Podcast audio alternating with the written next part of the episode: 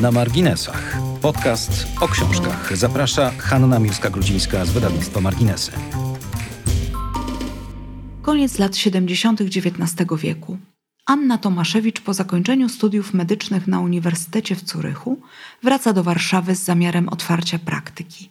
Jest utalentowana, pełna zapału, ma na koncie publikacje naukowe doskonale przyjęte przez środowisko europejskie. Chce pomagać ludziom, ale towarzystwo lekarskie, do którego zgłasza się niedługo po przyjeździe, nie jest zainteresowane jej kompetencjami, tylko widzi w niej przede wszystkim kobietę, kogoś, kto nigdy nie powinien leczyć. Anna cały czas jednak uparcie dąży do celu i po to, by w końcu móc pracować w zawodzie, gotowa jest udać się choćby do samego cara. Dzień dobry Państwu. Dzisiaj z największą radością y, pragnę Państwa zaprosić na wspaniałe spotkanie z moją wspaniałą autorką Aubeną Grabowską. Dzień dobry, Aubeno. Dzień dobry, Haniu. Jesteśmy w nowym studio z naszym panem realizatorem Krzysztofem. To jest debiut studia i nasz w studiu, więc y, teraz pewnie jakość naszych podcastów będzie też lepsza, o ile jest to możliwe, ale na pewno będą zdjęcia w ładnej przestrzeni studyjnej i mamy takie poczucie, jakbyśmy były już w prawdziwym radiu. Aubeno, porozmawiamy dzisiaj o Twojej książce mm, drugiej w serii Uczniowie Hipokratesa, zatytułowanej Doktor Anna, a przybliżyłam postać doktor Anny, czytając fragment y, z mm, takiego materiału reklamującego książkę. Jest to kropla w morzu o tym, co w ogóle wiemy o doktor Annie Tomaszewicz. Powiedz proszę, co skłoniło Cię do tego, aby odświeżyć, powiedziałabym nawet odkopać zapomnianą kompletnie bohaterkę XIX wieku, kiedy, proszę Państwa, dzisiaj e, patrzymy na nasze zmagania kobiet o nasze prawa w wolnym, cywilizowanym, niepodległym kraju, to proszę sobie wyobrazić, jak taka walka mogła wyglądać w XIX-wiecznej Polsce, której nie było, a kobiety w zasadzie nie miały, można powiedzieć, żadnych praw. Skąd w tobie taka siła, aby przybliżyć nam tę postać, przedstawić ją i zamknąć ją, po to, aby było nam łatwiej o niej czytać i dowiedzieć się i mieć te wszystkie konteksty? Skąd myśl taka, że powinnaś przywrócić ją do powieści i do życia naszego? Jako lekarz y, otrzymuję gazetę lekarską i puls medycyny. I w jednym z tych czasopism y, natrafiłam na artykuł o Annie właśnie Tomaszewiczównie. Przeczytałam go z wielką przyjemnością i troszkę z takim wstydem, ponieważ ja o niej nie słyszałam. A jest to pierwsza polska lekarka. I pomyślałam sobie, że jest moim obowiązkiem opowiedzieć o niej, bo my wszystkie lekarki dzisiaj w zawodzie bardzo sfeminizowanym, gdzie tylko w specjalizacjach takich zabiegowych królują mężczyźni, ale też już niepodzielnie, tylko po prostu jest ich większość ortopedów, chirurgów. Są specjalizacje bardzo sfeminizowane, jak na przykład pediatria, gdzie rzadko się uświadcza mężczyznę, pediatrę, przynajmniej w dzisiejszych czasach. I nie wyobrażamy sobie, że kiedyś kobiety miały ogromne trudności.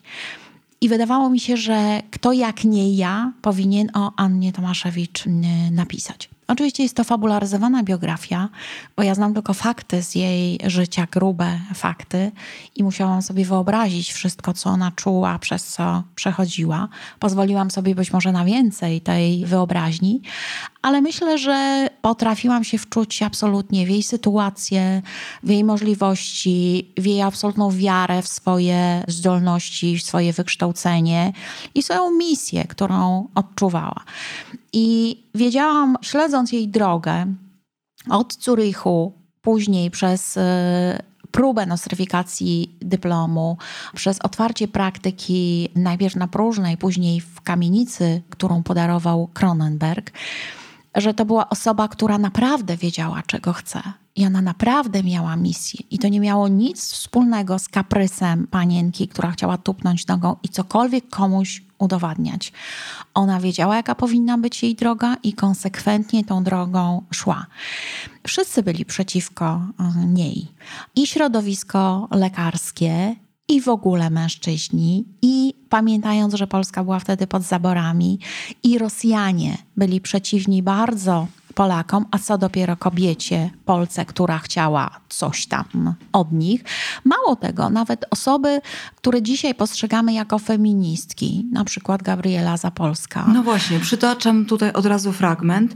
Zapolska napisała apel do kobiet. Nie chcę kobiet lekarzy, prawników, weterynarzy. Nie kraj trupów nie zatracaj swej godności niewieściej. Proszę Państwa, Gabriela Zapolska, którą potem znamy z kompletnie innych tak, już tak. E, słów kierowanych. Więc miała swoją moralność mm-hmm. Gabriela Zapolska, kiedy pisała takie słowa, bardzo niesprawiedliwe i bardzo bezmyślne, bym powiedziała, bo ona jeszcze później dodała, że kobieta może być poetką, może być malarką, może być kochanką, może być muzą, natomiast absolutnie nie może w nauce nic y, robić, bo się do tego nie nadaje. Jakie to jest ograniczenie dla innych kobiet? Bo ja uważam, że jeśli ktoś ma możliwości i może komuś pomóc, chociażby dobrym słowem, a tego nie robi, to tak jak się dzisiaj mówi, ma specjalne takie miejsce w piekle, taki tam krąg mm -hmm. dla, dla tych kobiet, które nie wspierają innych kobiet, chociażby mogły. Ale na przykład wspierali ją inni mężczyźni, na przykład Bolesław Prus, tak. który, y, który napisał serię artykułów wyśmiewających środowisko, które nie chciało jej pozwolić na to, co jej się należało. Bo ona nie prosiła, żeby E, jej płacono, nie prosiła, żeby jej dano coś, e, co jej się nie należało. Ona miała wykształcenie i ona po prostu chciała praktykować, korzystać z tego wykształcenia e, w służbie ludzi. Ona nie mówiła, ja umiałabym leczyć, gdybyście mi pozwolili, bo moja babka była, nie wiem, szeptuchą, a moja mama zbierała zioła. Ona miała bardzo konkretne wykształcenie. Wyjechała z tego Curiku z dorobkiem y, naukowym, który był bardzo doceniany tam na miejscu. Proponowano jej aby tam została i dalej pracowała naukowo. To ona zaczęła badania nad błędnikiem, labiryntem, jak się kiedyś e, mówiło. To ona zaczęła zbierać z powierzchni mózgowia potencjał, różnice potencjałów. I kto wie, czy gdyby nie została tam i nie kontynuowała dalej badań z profesorem Hitzigiem, e, z którym pracowała, to nie ona by odkryła elektroencefalografię. To jest też i moja podspecjalizacja, bo ja jestem elektroencefalografistką. I, I tak poczułam, że ona coś zostawiła, żeby robić co innego, a ja mogłam opisywać EEG i mogłam się tej umiejętności nauczyć i wykorzystywałam ją bardzo długo w swojej praktyce lekarskiej. Ona mogła też jechać do Japonii, bo miała propozycję pracy naukowej yy, tam, Tokio. ale była idealistką. Mhm. Uważała, że jej moralnym obowiązkiem jest wrócić do Warszawy, i próbować e, leczyć. To było naiwne, bo liczyła się z pewnymi trudnościami, ale uważała, że jeżeli przedstawi swój dorobek naukowy, przedstawi swoje racje, poprosi tylko o to, co jej się e, należy, bo ona nie żądała żadnego wsparcia no to pozwolą jej praktykować. Okazało się, że nie. Jednego głosu jej zabrakło w głosowaniu w Towarzystwie w tajnym Lekarskim głosowaniu, nie wiadomo w tajnym głosowaniu, tak. zagłosował tak. przeciw. Powiedz Albeno, porządkując te wiadomości, ponieważ powieść twoja rozpoczyna się w chwili, kiedy pani doktor chce nostryfikować dyplom, chce otrzymać tę możliwość pracy w Polsce. Aczkolwiek w którymś z dokumentów przeczytałam, że ona żałowała pod koniec życia tej decyzji. Uważała, że w tym sensie, że uważała, że gdzie indziej jednak, mimo tego, co całe życie, o czym całe życie myślała, osiągnęłaby więcej, pozostając tam, gdzie jej proponowano. Jak było naprawdę, pewnie nie wiadomo, ale fakt taki, że nie przyjęła nigdy żadnych takich stanowisk w szpitalach, zawsze była siłaczką, która pracowała z, właściwie z najbiedniejszymi ludmi, każe wątpić w to, czy ona rzeczywiście tego żałowała, bo ona nigdy nie zeszła z tej obranej drogi. Myślę, że rzeczywiście, tak jak mówisz, to była jej misja i ona nie chciała tych wszystkich e, zaszczytów, tych e, takich dobrych słów, które by ją w jakikolwiek sposób wyróżniały albo dawały jej stanowisko. Ona rzeczywiście chciała pracować z ludźmi, aby te naukowe wszystkie odkrycia były związane z jej badaniami, które ona przeprowadza sama? Ja myślę, y, tak mogę tylko domniemywać, mm -hmm. że ona już pod koniec życia była bardzo zmęczona. I kiedy jej proponowano objęcie kierownictwa jednego z dwóch szpitali, szpitali. czyli albo Szpitala Świętej Zofii, albo Szpitala Świętej Rodziny, powiedziano jej, że, że wobec jej zasług, wobec tego wszystkiego, co robiła, może sobie po prostu wybrać jeden z tych e, szpitali. Ona musiałaby zaczynać po raz trzeci od początku. I ona już chyba nie miała na to siły. Ona miała za sobą ten początek praktyki e, na e, twardej, Później miała e, absolutnie bardzo ciężkie kilka lat, kiedy dźwigała praktykę w domu, który ofiarował Cronenberg, bo w tej pierwszej praktyce ona miała bieżącą wodę. Zniszczonej norze, powiedzmy Zniszczonej sobie. norze, a to była zniszczona absolutnie nora, gdzie przez kilka lat y, doprowadzało się wodę beczkowozem albo ze studni, brano, dźwigano w tych y, wiadrach i nie było pieców, piece dymiły i ona się z tym zmagała, a wdrażała absolutnie zasady Listera, czyli czystość, czystość, tak. jeszcze raz mhm. czystość, mm, absolutnie nie można odpuścić tamte położne, które ona kształciła, pielęgniarki ginekologiczne, inne lekarki, inni lekarze. To wszystko wymagało od niej tytanicznej pracy. I myślę, że kiedy przyszła ta propozycja, ona już nie chciała, uważała, że to nie będzie ukoronowanie jej praktyki, że ona nie zasiądzie na tronie i wszyscy inni nie będą za nią robić, tylko że ona od początku będzie musiała znowu to e, dźwigać. Myślę, że ona już wtedy miała gruźlicę, którą się zaraziła od jednej ze swoich e, pacjentek. Zmarła w 18 e, roku. Jeszcze zdążyła wcześniej sama zrobić pierwsze cięcie cesarskie w Polsce, cięcie mhm. cesarskie, gdzie zszyła i macicę, i powłoki, i przeżyła matka, i przeżyło dziecko. I ona e, miała prawo być zmęczona. Ja to rozumiem. Mhm. Miała prawo pomyśleć, że ukoronowaniem jej działalności będzie teraz działalność nie lekarska, tylko społeczna. Mhm. Bo ona wraz z Elizą Orzeszkową i Marią Konopnicką stworzyły takie podwaliny działalności społecznej, które później myśmy znali z PRL-u, czyli wyłuskiwanie tych biednych dzieci, zapewnianie im e, kolonii, jakichś takich zajęć, prawidłowe żywienie, wdrażanie ich w, taką, w takie społeczeństwo tam, gdzie one nie mogły funkcjonować, bo były wychowane, urodzone w biedzie i wydawało się, że w tej biedzie zawsze skończą. I to ją interesuje interesowało pod koniec y, życia. I tak troszkę widziałam w, w, niej taką osobę, którą ja y, się stałam, że kiedyś nie wyobrażałam sobie, y, że będę robiła co innego niż praca w klinice. Później nie wyobrażałam sobie, że będę robiła co innego niż opisywanie badania EEG i wideo EEG. Potem sobie nie wyobrażałam, że, że będę robić co innego niż pisać książki, a teraz znowu coś innego zaczynam robić. I to jest tak, że, że oddaje się temu całkowicie i pochłania to całą moją yy, uwagę i staje się moją misją. Myślę, że ona też tak y, miała. Chociaż, chociaż oczywiście, jeżeli ktoś by mi powiedział, że znał ją świetnie, bo to była jego cioteczna babka, czy jakaś osoba tak, znajoma. I, i że to była list, gdzie to y, napisała. list, gdzie to napisała, a w ogóle to była zupełnie inna, no to też bym mogła przypuszczać, że być może tak było.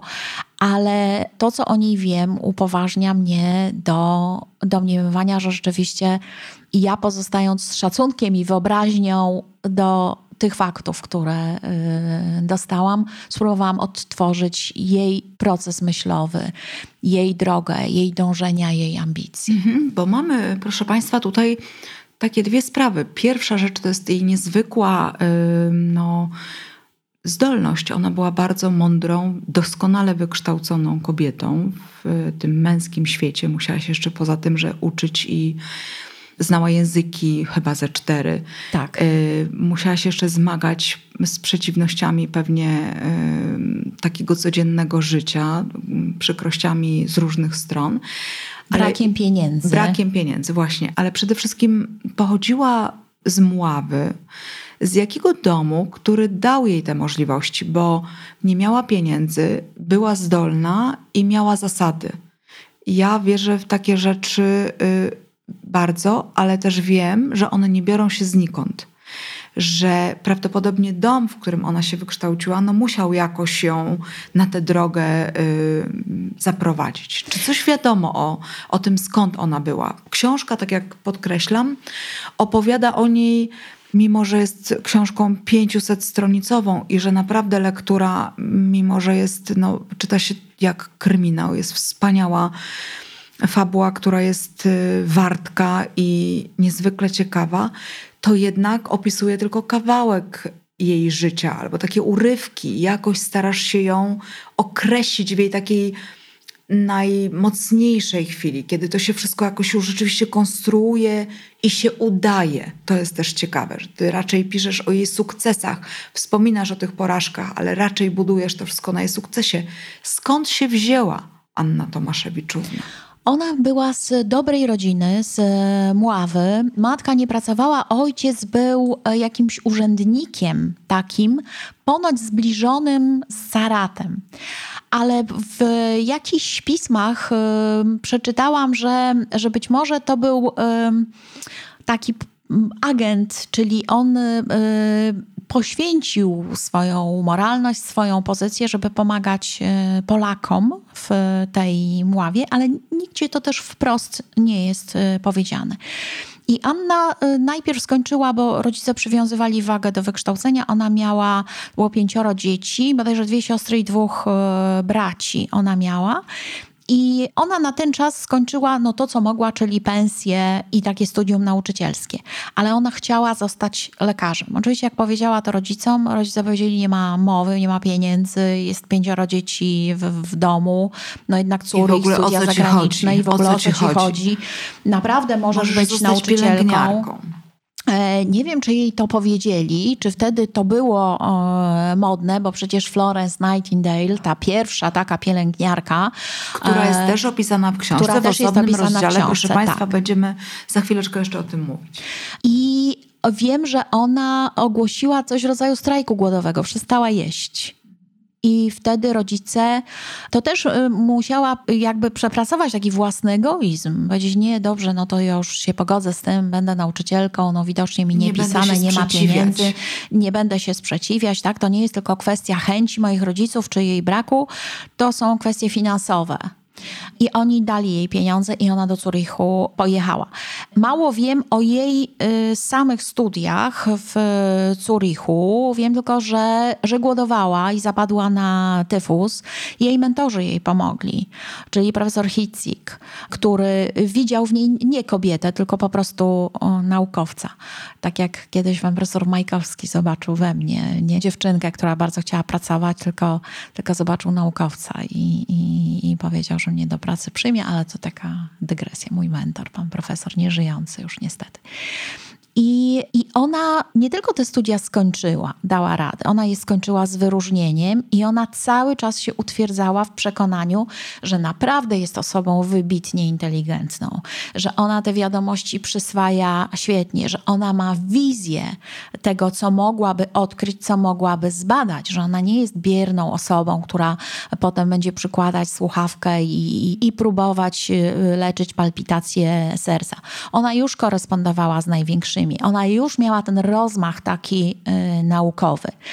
I ona, kiedy wróciła, prawdopodobnie myślała nie o stworzeniu przytułku dla y, kobiet, tylko w ogóle o czymkolwiek, o jakiejkolwiek praktyce.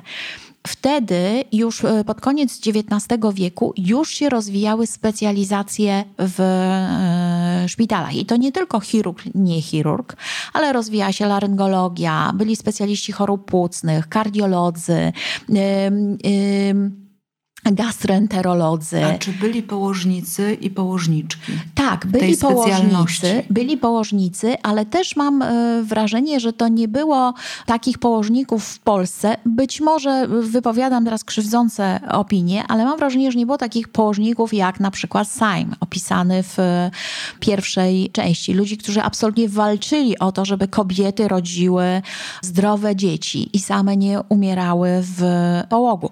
Przecież jak zbierałam materiały do innych swoich książek, czyli na przykład do stulecia y, winnych, to rzadko doktor był wołany do porodu, bo się uważało, że poród to jest fizjologia.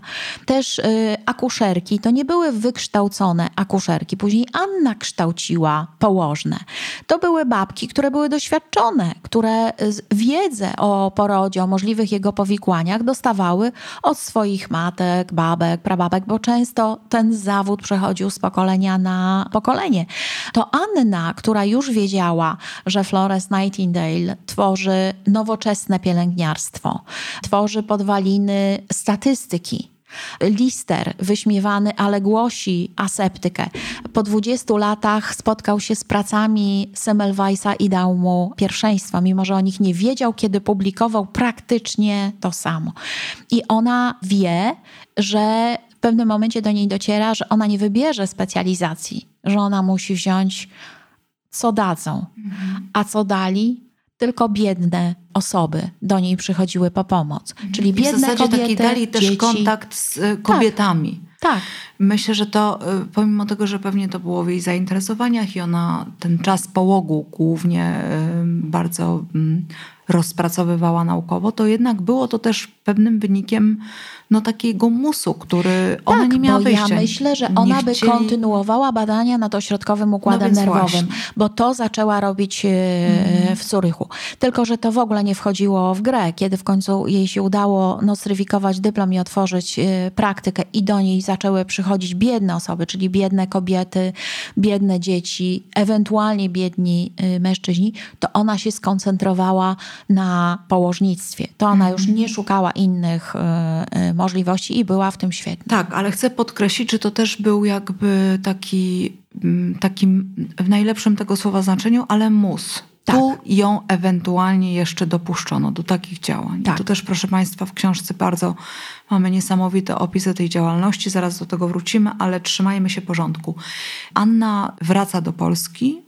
Polacy, którzy są w towarzystwie lekarskim, tak jak powiedziałaś, nie decydują się na to, żeby jej przyznać ten dyplom. Przegrywa mm, jednym głosem. Nie wiadomo do dzisiaj, kto mhm. stał za tą decyzją. Ma też swoich zwolenników oczywiście w tej komisji.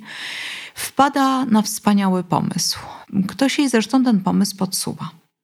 Wpada na pomysł, że właściwie mm, Polska jest pod zaborami. Jeżeli Towarzystwo Warszawskie Lekarskie mm, jej nie chce, to być może ktoś jej może wydać pozwolenie na praktykę w samym Petersburgu. I wtedy ona przychodzi z takim glejtem i właściwie nikt już nic nie może y, zrobić.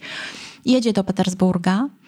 Tam mogę Wszystko tylko jest oczywiście, proszę Państwa, nie takie proste, bo jest walka o to, walka na wszystkich frontach. Właściwie i ta kobieta, która uparcie, grzecznie, stanowczo, ale zawsze bardzo grzecznie i zawsze opierając się na swojej wiedzy, walczy o to cały czas. Ta książka jest jednym wielkim zmaganiem tej kobiety o wszystko. tak, i, i powtarzaniem sobie, bo mnie się to należy, bo tak. ja nie chcę niczego, co mi się nie mhm. należy.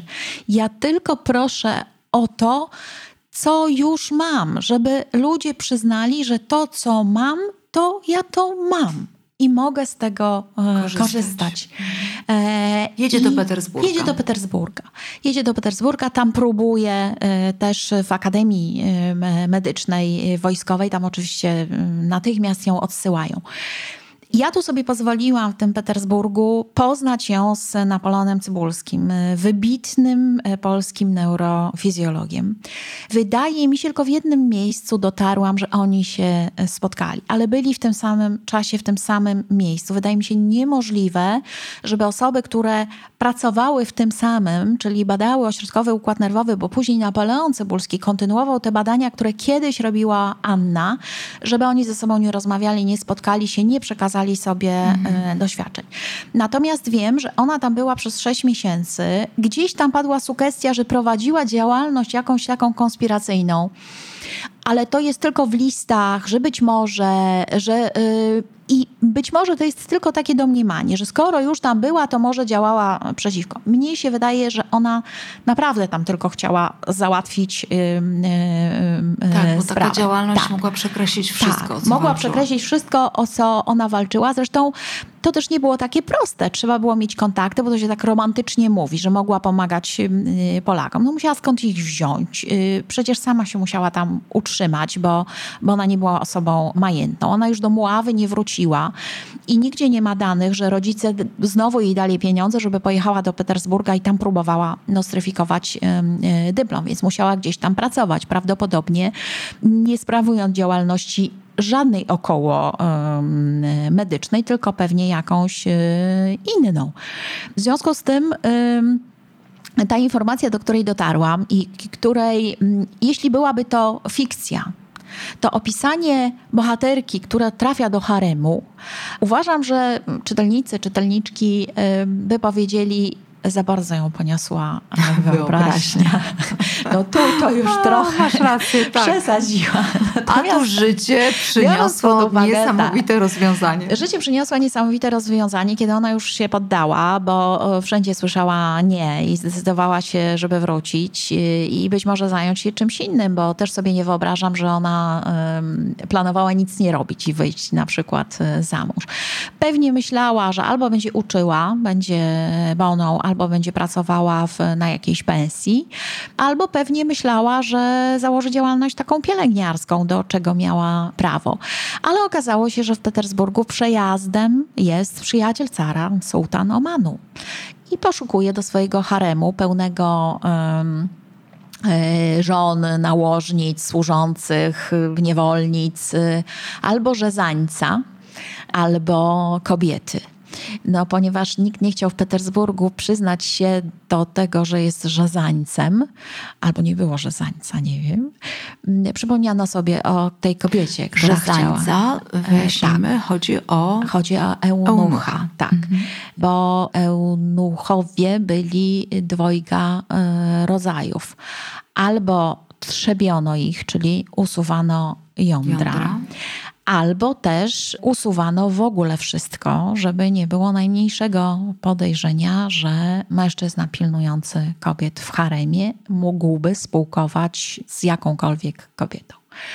W związku z tym no, poszukiwano chociażby wytrzebionego. No, mm, no nie było takich danych, żaden wytrzebiony się nie zgłosił, ale przypomniano sobie o niej ona zgłosiła się do tej pracy. Ze względu chyba tak naprawdę na języki, prawda? O to chodziło tak, też, że ona też znała o to chodziło, języki ona i mogła się porozumiewać. Nie było takiej drugiej kobiety znanej. Tak, tak, tak, bo ona znała oczywiście niemiecki, rosyjski, polski, francuski, francuski i ona była absolutnie była w stanie mm, porozumieć się i korespondować i, i w ogóle jakby współpracować w tym zakresie. I ona przez pół roku się zajmowała tymi kobietami. Prawdopodobnie nie wolno jej było o tym mówić. W związku z tym ja tutaj y, musiałam y, swoją wyobraźnię wysilić, żeby domniemywać, y, co ją mogło spotkać w haremie, ponieważ nikt się na nią nie poskarżył. Absolutnie dotarłam tylko do wiadomości, że sułtan, którego ona zresztą nie widziała, był bardzo zadowolony z jej pomocy, z jej działalności. I zanim ona tę praktykę zaczęła, zanim się zgodziła, postawiła warunek, że chce przystąpić do egzaminów. I, w e, zasadzie zaszantażowała tę tak, komisję. Tak, zaszantowała komisję, tak. Powiedziała, albo podpisujecie dokument, który mi to umożliwi. Nie chcę, żebyście podpisali dokument, który mi nada tę możliwość, tylko przeegzaminujcie mnie. Tak. To jest też ważne, że ona zawsze mówiła: sprawdźcie moją wiedzę. Nie musicie mi wierzyć na słowo. Sprawdźcie, co umiem. Tak. I tutaj było tak samo. Zgłosiła się, owszem, ale powiedziała: dajcie mi szansę na egzamin tak, i podpiszcie to, dokument. I podpiszcie ten dokument tego samego dnia. Bardzo tak. konsekwentnie, bardzo, bardzo konsekwentnie. mi się ta jej konsekwencja ja też podoba. zawsze mówię, dajcie mi szansę, daj mm -hmm. mi mhm. szansę, a zobaczysz, czy, czy to jest tak, jak ja deklaruję. Mhm. I uważam, że, że ona też tak y, zrobiła i na tym wygrała. Tam była jeszcze jedna rzecz. Mianowicie rok y, wcześniej, zanim ona pojechała do Petersburga, car wydał ukaz, że Zurich jest jego nieprzyjacielem. Zurich jest B. I zabrania swoim poddanym studiować w Zurichu. Więc to już w ogóle się wydawało, że już umarł w butach i, i nic z tego nie będzie. Ale wobec tej całej sytuacji, wobec tego sułtana i wobec tego wszystkiego przymknięto oko na to, że ona jest kobietą i że skończyła studia w e, Zurichu. Więc mhm. absolutnie wygrała. Zdaje się, że argumentem było też e, to, że ona rozpoczęła te studia wcześniej niż car wydał Ja nakaz. sobie tak myślę, że ona mhm. mogła tak argumentować. Bo że... ona to argumentuje. Mnie się wydaje, Aubeno, że ona po prostu jak zwykle musiała wymyślić coś. Tak i oprzeć się na jakiejś prawdzie, którą też czasami musimy wymyślić, tak, bo to jest Bo najgorsze. ja wkładam w jej usta takie w ogóle słowa, tak. że jak ona by wiedziała, że car zabronił tak. studiować Zurichu w życiu, by tak, i ona jest oczywiście sprytna tak. i umie z tymi mężczyznami rozmawiać i umie też, y, wie co może powiedzieć, czego nie może powiedzieć chociaż jest bardzo prawdomówna i bardzo stara się. I bardzo jednak, prawa i bardzo tak, moralna. Tak. tak, bardzo moralnie do wszystkiego podchodzić. Ona ma różne dylematy, przyjaźni się z Grażyną która no, postępuje w sposób taki, z którym Anna się nie zgadza, a jednak y, zamiast y, czy naskarżyć jej rodzicom, których bardzo ceni, którzy jej pomagają, to jednak cały czas rzetelnie i taki prawy sposób, czasami nawet mi się wydaje naiwny, ale on przynosi skutek, uczy tę Grażynę. Nie rób tego, zrób tak, postąp tak, to ci się nie opłaca, nie możesz tak robić. To jest takie mm, wspaniałe świadectwo, że jednak chyba jest tak, że ta prawda nas ochroni, że ta uczciwość też przyniesie mm, dobre wszystkie rzeczy, jeśli nie teraz, to za chwilę. Ktoś nam to odda. I ona jest tego przykładem, że ta uczciwość, którą się kierowała w najlepszej wierze, czasami gdzieś musiała skręcić, no ale trudno, w najlepszej wierze, przyniosła jej potem bardzo dużo dobrego. Ja też mówię y, zawsze tak, bo, bo ja się bardzo z tą postacią tak zżyłam, może nie zidentyfikowałam, bo jestem inna, ale pewne punkty uważam mamy wspólne. Ona mówiła, nie mogę zagwarantować, że nigdy nie będziesz żałowała obranej drogi ale mogę zrobić wszystko, żeby tak się stało, mhm. żebyście nigdy nie żałowali, że daliście mi możliwość praktyki lekarskiej.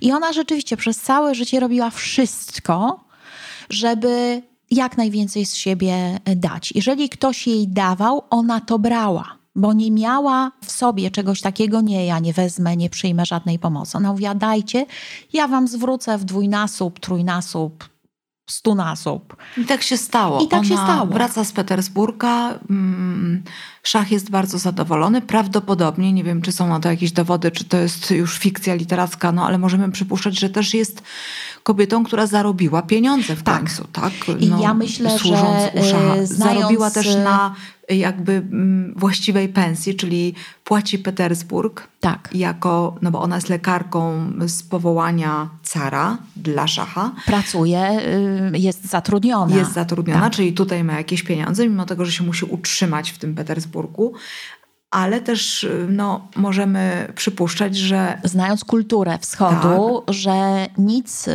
za darmo jakby nie. nie y... No właśnie, więc prawdopodobnie ma pieniądze, bo wraca, ma dyplom, ma już możliwości i otwiera w końcu wymarzony jak to gabinet. nazwać? Gabinet po prostu. Gabinet właściwie, bo. Na ulicy Twardej. Na ulicy Twardej, tak. To było takie pomieszczenie, tam była bieżąca woda, co jest dużym e, takim e, sukcesem. Ona nie może traktować tego jako szpitala, nie może na przykład mieć tam morfiny. Później ona omija te zakazy, robi proste zabiegi, zabiegi.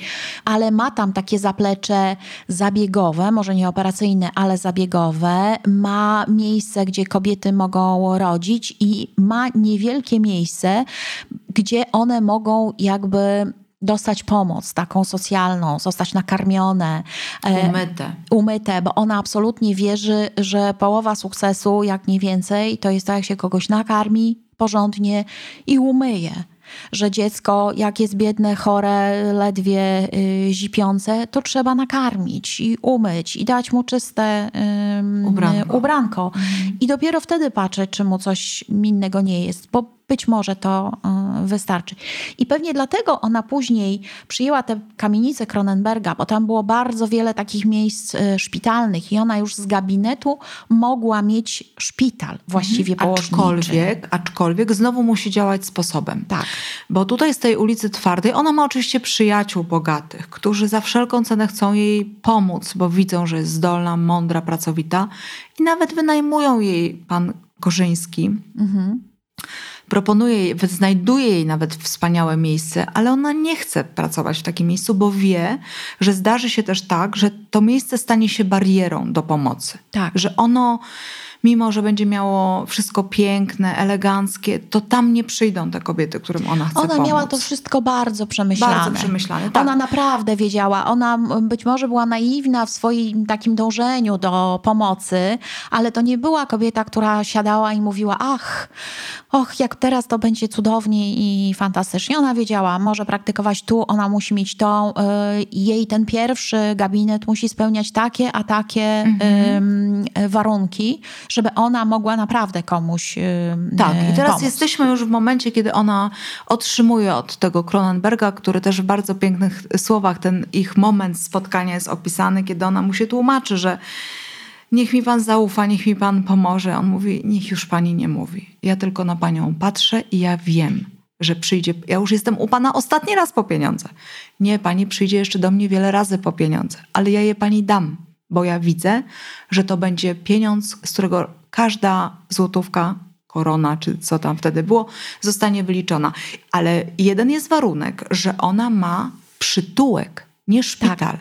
I ona oczywiście znowu w tym sprycie robi ten przytułek. Tak? Tam przychodzą tak. kobiety najczęściej samotne z dziećmi, porzucone matki, chore. Jest straszna scena śmierci dziewczyny na wycieraczce po prostu, która zamarza, bo jakiś pijany stróż jej po prostu nie wpuszcza. Ale ona oczywiście w swoim sprycie robi przytułek i obok robi izbę porodową, obok robi salę jeszcze do zabiegów i jakoś rzeczywiście ten przytułek nagle się okazuje takim miejscem po prostu pomocy kobietom znowu. Wspaniałe. Tak. I ja sobie tak przypuszczałam, że ten dialog z Cronenbergiem mógł tak wyglądać na podstawie tego, że Cronenberg w tamtym czasie miał taki bardzo słynny proces. E, tak, bo straszna on, historia zresztą Straszna historia, jak, jak tak na to się mm-hmm. patrzy, że za zjedzenie jakichś śliwek on by kazał pobić swoją córkę bardzo dotkliwie i miał wytoczony proces. Y, nic mu nie, nie zrobiono. I on później w szlachetności swojej y, kupuje te pięć kamienic. Ja tutaj nie sugeruję, że on miał wyrzuty sumienia. Ale sam fakt, że Anna dostała największą kamienicę, uważam, że coś mówi, że ona już nie wchodziła kuchennymi drzwiami do tej działalności, tylko już brano ją naprawdę na serio pod uwagę. I wydaje mi się, że ona pierwsza wybrała to, co chce robić, bo ta największa kamienica dała jej właśnie taką możliwość, że ona stworzy przytułek, bo przypuszczam, że że musiała mieć więcej zatrudnionych, musiałaby mieć więcej zatrudnionych lekarzy, żeby nazwać ten przytułek, tę kamienicę szpitalem, że to pewnie tak nie, nie funkcjonowało. Chociaż wyobrażałam sobie to miejsce jakoś tak na zasadzie, jak kiedyś był szpital dziecięcy w Falejach Jerozolimskich. Ja tam byłam raz, moja koleżanka z klasy miała tam operację wyrostka, ją mm. odwiedzałyśmy. Wtedy tak patrzyłam na to z przerażeniem, bo to był taki, taka kamienica, taki, taki mm. wielki dom, a Zwracam tylko na... uwagę, że te jej gabinety były w jednej właściwie części Warszawy. Pierwszy był na ulicy Twardej. A kamienica, którą dał jej Kronenberg, y, mieściła się przy ulicy Prostej. Mhm. Tylko, że ona już się różniła e, na niekorzyść, e, niestety, e, od tego gabinetu, który ja cały czas to powtarzam, ale wtedy to nie była taka częsta rzecz, żeby była bieżąca woda. W tej kamienicy bieżącej wody nie było. Ona była cała do remontu. Ten remont trzeba było przeprowadzić, właściwie to Anna miała go nadzorować. Ona już wtedy nie była sama od wielu lat, bo towarzyszył jej Konrad Dobrski, czyli laryngolog, który bardzo ją wspierał, który spotkał się z nią po raz pierwszy w Towarzystwie Warszawskim Lekarskim, właśnie wtedy, kiedy ona przyszła nostryfikować dyplom i zakochał w niej. To jest rok 1880 i ona wychodzi za mąż w 1881, więc dla tak. porządku to są te lata. Tak. Y, I, I on jej bardzo na pomaga. ślubie jest Henryk Sienkiewicz, mm -hmm. który jest jego przyjacielem, z, z ławy szkolnej i gdzieś tam dotarłam do takiej informacji, że to Konrad Dobrski właśnie bierze pierwszą powieść Sienkiewicza i wiezie ją do Kraszewskiego, wtedy wielkiego pisarza, no po prostu takiego, no takiej postaci kultowej i mówi, że to kolega napisał, ale nikt nie chce wydać i czy on mógłby może zarekomendować. I Kraszewski się zachwyca pierwszym dziełem Sienkiewicza i mówi, że absolutnie tak, to jest, to jest książka, którą, którą trzeba wydać. I być może to właśnie Konradowi Dobrskiemu zawdzięczamy Henryka Sienkiewicza, takiego jakiego znamy go dzisiaj. No i znowu Anna Tomaszewiczówna. Tak, tak? i znowu Anna gdzieś Tomaszewiczówna tam gdzieś tam tak, przewija. pojawia. W wieku 52 lat y, ona rozpoczyna aktywną działalność w Towarzystwie Kultury Polskiej. Pisuje do tygodnika Kultura Polska, publicznie przemawia na temat znaczenia praw kobiet, uczestniczy też w pracach organizacji kobiecych, organizując właśnie w 1881 roku, a potem w 1907 jubileusze ku Elizy Orzeszkowej. Jubileusz z 1907 roku posłużył jej jako pretekst do stworzenia zjazdu działaczek z trzech zaborów, który zorganizowała Melania Reichmanowa. Wspominam o tym dlatego, że powieść jest też pełna takich kontekstów i takiego zaznaczenia świata. Hmm, w którym żyje Anna, a jest to świat, który składa się z posługaczek, z mm, dziewcząt, które chcą się uczyć, które pochodzą z różnych miejsc, ale są to najczęściej nidziny społeczne. Jej taką najbliższą można powiedzieć nawet przyjaciółką, o co też y, pozostałe panie mają pretensje, jest służąca Kasia. Bardzo świetna, piękna historia tej dziewczyny, która jej pomaga. One sobie w zasadzie pomagają całe życie żyje Anna wśród innych kobiet i kształci je, pomaga, nie tylko leczy. I to jest też taki charakterystyczny rys tej kobiety, że ona wspiera też inne kobiety, mimo że Zapolska wyraża się o niej w taki sposób, y, a nie inny. Mimo, że pewnie panie z bogatych domów nie zawsze rozumieją, co Anna chce zrobić i co robi, to jednak ta siła kobiet już wtedy według Anny Tomaszewiczówny jest ogromna i tu jest jej siła. Tak, bo siła ona w sile. uważała, siła że jeżeli ona potrafiła mhm. i ona skończyła studia jako piętnasta kobieta w ogóle na świecie i ona tworzy podwaliny nowoczesnego położnictwa, nowoczesnej ginekologii, potrzebuje pielęgniarek ginekologicznych, położnych y, wykształconych i nawet salowych które też nie są osobami, które tylko będą sprzątały, tylko muszą wiedzieć, jak się opiekować szpitalem od strony higieny i czystości, to jej wystarczyło, żeby ktoś przyszedł i wyraził chęć, że chce się uczyć. I, I tak ona... było. Ty tak. Tam stwarzasz taką scenę, kiedy ona zaprasza położne do tego szpitala. Oczywiście ponosi klęskę, bo część położnych nie chce się zgadzać przede wszystkim na to, żeby być w czystości, tak? żeby utrzymywać higienę, żeby myć ręce, żeby je odkażać, żeby zmieniać na przykład prześcieradła, czy zajmować się no, takim fizjologią, która zawsze jest tak. przy porodzie. One uważają, że nie są od tego. Że to powinien robić kto inny, a na pewno nie położna. I tam są awantury dzikie o to, żeby, żeby było tak, jak chce Anna, bo ona widzi siódmym czy dwunastym zmysłem, że to tak być powinno. Bo ona w swej dobroci, ona póki jest dobra, jest dobra, bo ona jest w ogóle dobrą osobą, ale jeżeli ktoś ym, działa wbrew jej, się sprzeciwia się jej wiedzy i jej wizji, doświadczeniu tak. i jej jej wizji, to nie ma dla niego miejsca. Mhm. w jej świecie, w jej szpitalach, w jej gabinetach i na jej salach wykładowych, bo ona mówi o tej chęci szczerej, że to wystarczy, ale ona uczy, daje z siebie wszystko, ona daje świadectwo każdego dnia swojego yy, życia. Ona zostawiła po sobie ponad 300 lekarzy, lekarek, akuszerek, pielęgniarek ginekologicznych. Tak, ale jednocześnie, cytuję z książki zdanie. Będziecie nurzały się w nędzy i brudzie. Na nędzę nic nie poradzicie, ale na brud jak najbardziej. Zawsze tymi słowami zaczynała spotkanie z adeptkami sztuki medycznej i to zdanie stało się częścią jej legendy. Przekazywano je sobie z roku na rok, z kursu na kurs. Któż to by pomyślał, że w tamtym czasie jest taka kobieta, która widzi to, co my teraz już tak, wiemy i widzi to, którą dziwi, teraz wiemy. I dla, się, jest, dla nas jest to absolutnie y, y, oczywiste. I dziwimy się, że mogło być inaczej. A przy tym wybucha pandemia i, i znajdują się osoby, które mówią a szczepionki to jest jakieś lobby i one tak naprawdę szkodzą i zabijają. A wcześniej w mówią, a po co tam będziemy tak. myli ręce, czy je odkażali, tak. nie ma znaczenia. A teraz się wydaje, jaka to ciemnota. Nie tak, myć, tak. w ogóle nie myć rąk, nie myć sali operacyjnej, pola operacyjnego, operować bez rękawiczek, brudnymi nożami. No jak to tak można? Tak, tak, zdecydowanie. Kto to, to, kto to coś takiego robi? Proszę Państwa, kończymy nasz pierwszy odcinek opowieści o Annie Tomaszewicz. Chciałam Państwu zacytować jeszcze fragment, który który Aubena Grabowska, autorka książki, zamieściła w książce, ale rozumiem, że ten dokument istnieje i to jest prawdziwy dokument. Dotyczy on ślubów czystości. Tak. Ślub czystości niech Twój zawód uświęci, to będzie tylko fragment. Nie miej innych wierzeń prócz w bakterie, innych dążeń prócz odkażania, innego ideału prócz jałowości.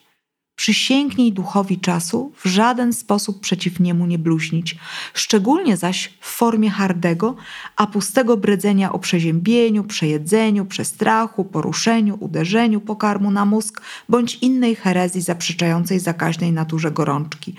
Przeklnij na wieczne czasy i wieczne potępienie oliwę, gąbkę, gumkę, smarowidło oraz wszelką rzecz, która ognia nie znosi lub go nie zaznała, albowiem takowa – jest siedliskiem bakterii. W pobliżu ciężarnych, rodzących położnic, oczów i pępków dziecięcych bądź zawsze przytomna i świadoma, że wróg niewidzialny czyha zewsząd, jest w nich, na tobie, dookoła was i w was samych. Nie dotknij ich, choćby krzykiem i jękiem pomocy Twej wzywały, póki od głów do stóp w biel się nie obleczesz, nagich rąk i ramion Twoich, tak jak i ciał ich, suto mydłem nie namaścisz, bodaj dwiema wodami gorącymi nie zlejesz i dwoma płynami o wielkiej mocy bakteriobójczej. Pierwsze badanie wewnętrzne jest ci nakazane, drugie dopuszczalne, trzecie musi być usprawiedliwione, czwarte może być wybaczone, piąte ci będzie za przestępstwo poczytane.